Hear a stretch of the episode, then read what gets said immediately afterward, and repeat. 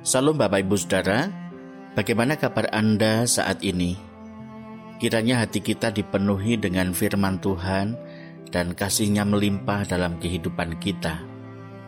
Saat ini saya merenungkan firman Tuhan yang saya baca dari kitab Mazmur pasal yang ke-85.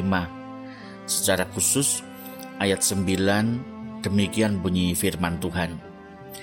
Aku mau mendengar apa yang hendak difirmankan Allah Tuhan. Bukankah ia hendak berbicara tentang damai kepada umatnya dan kepada orang-orang yang dikasihinya, supaya jangan mereka kembali kepada kebodohan? Menjadi pribadi yang dikasihi oleh Tuhan.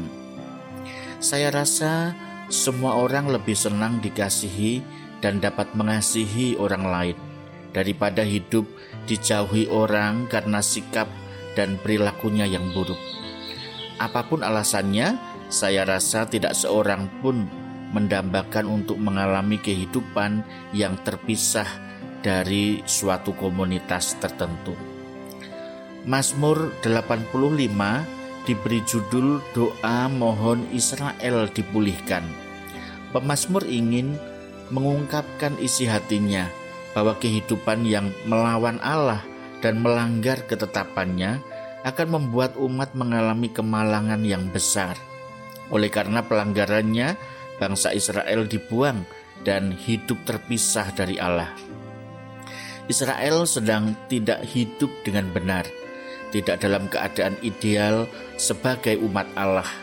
Mereka terpuruk hidup sebagai orang asing dan terbuang jauh dari rumah Tuhan dan tanah pusaka mereka, sehingga mereka merindukan dipulihkan dan ditebus Allah.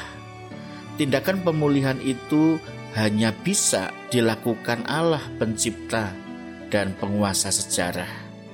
Secara khusus ketika kita membaca ayat 1 sampai 4, kita dapat merasakan ungkapan yang tulus dari doa pemazmur dengan mendasarkan pada kebesaran dan keagungan kasih Allah yang mengampuni dan memulihkan umatnya. Pada bagian kedua, mulai ayat 5 dan 7, pemazmur memohonkan dengan tulus supaya Allah dalam kasihnya yang tak terbatas menghidupkan kembali keadaan yang kering dalam relasi dengan umatnya oleh karena pelanggaran dan dosa Israel. Serta memohonkan kembali kasih setia Allah supaya keadaan mereka dapat diselamatkan. Pemazmur mengingatkan dirinya beserta seluruh Israel untuk kembali menaruh harapan mengalami kasih Allah, sebab tidak selama-lamanya murka Allah menyala. Jika mereka berbalik dari segala dosa, tentu Allah akan berpaling dan mengasihi mereka dengan kasih setianya. Allah tidak akan murka selama-lamanya terhadap umatnya dan Allah tidak akan melanjutkan murkanya turun-temurun kalau kita membaca ayat 6.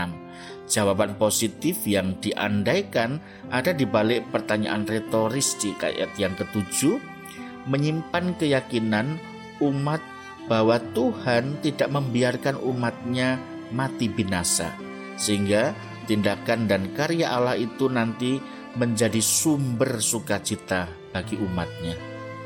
Pemasmur mendorong dirinya dan semua orang untuk berbalik kepada Allah dengan bersungguh-sungguh menyendengkan telinga supaya dapat mendengar firman Tuhan.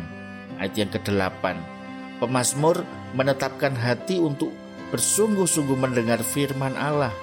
Ia membulatkan hati supaya Allah menumbuhkan minat di dalam hati yang baru untuk menyondongkan telinga mereka terhadap firman Allah serta sikap dan respon taat terhadap perintah dan larangan Tuhan Allah hal itu dapat dilakukan dengan setia. Mengapa? Sebab ia yakin bahwa Allah mau menyampaikan kabar tentang damai sejahtera, memberikan damai sejahtera kepada umatnya ketika dia dan seluruh Israel mau mendengar dan mentaati firman Allah. Firman Allah juga mempunyai tujuan didaktis, edukatif, yaitu agar umat tidak kembali lagi kepada kebodohan yang sama yang selama ini telah merusak relasi mereka, supaya jangan mereka kembali kepada kebodohan. Niat yang lantang ini dilandasi oleh sebuah keyakinan yang dilukiskan pemazmur dalam bagian sisa Mazmur ini, khususnya ayat 10 sampai 14. Dalam ayat 10 misalnya, ia menyatakan keyakinan bahwa keselamatan Allah dekat pada orang-orang yang takut kepadanya dan hal itulah yang menyebabkan bahwa kemuliaan Allah berdiam di negeri mereka. Nah, saudaraku, sebagai anak-anak Tuhan, apakah hati kita telah condong kepada firman Tuhan, atau masih terpikat pada hal-hal lain dan menjauhkan kita dari kasihnya? Apakah kita mau menjadi anak Tuhan yang dilimpahi kasih Tuhan? Tuhan memperhatikan kehidupan kita dengan sungguh-sungguh. Mari bulatkan tekad untuk tetap mendengar firman-Nya, mentaati, untuk bersungguh-sungguh mendengar firman Allah. Itu artinya mau mentaati dan melakukan dengan setia setiap ajaran, ketetapan, perintah, dan peraturan yang Tuhan berikan di dalam firman-Nya. Selamat berefleksi, Tuhan memberkati kita. Amin.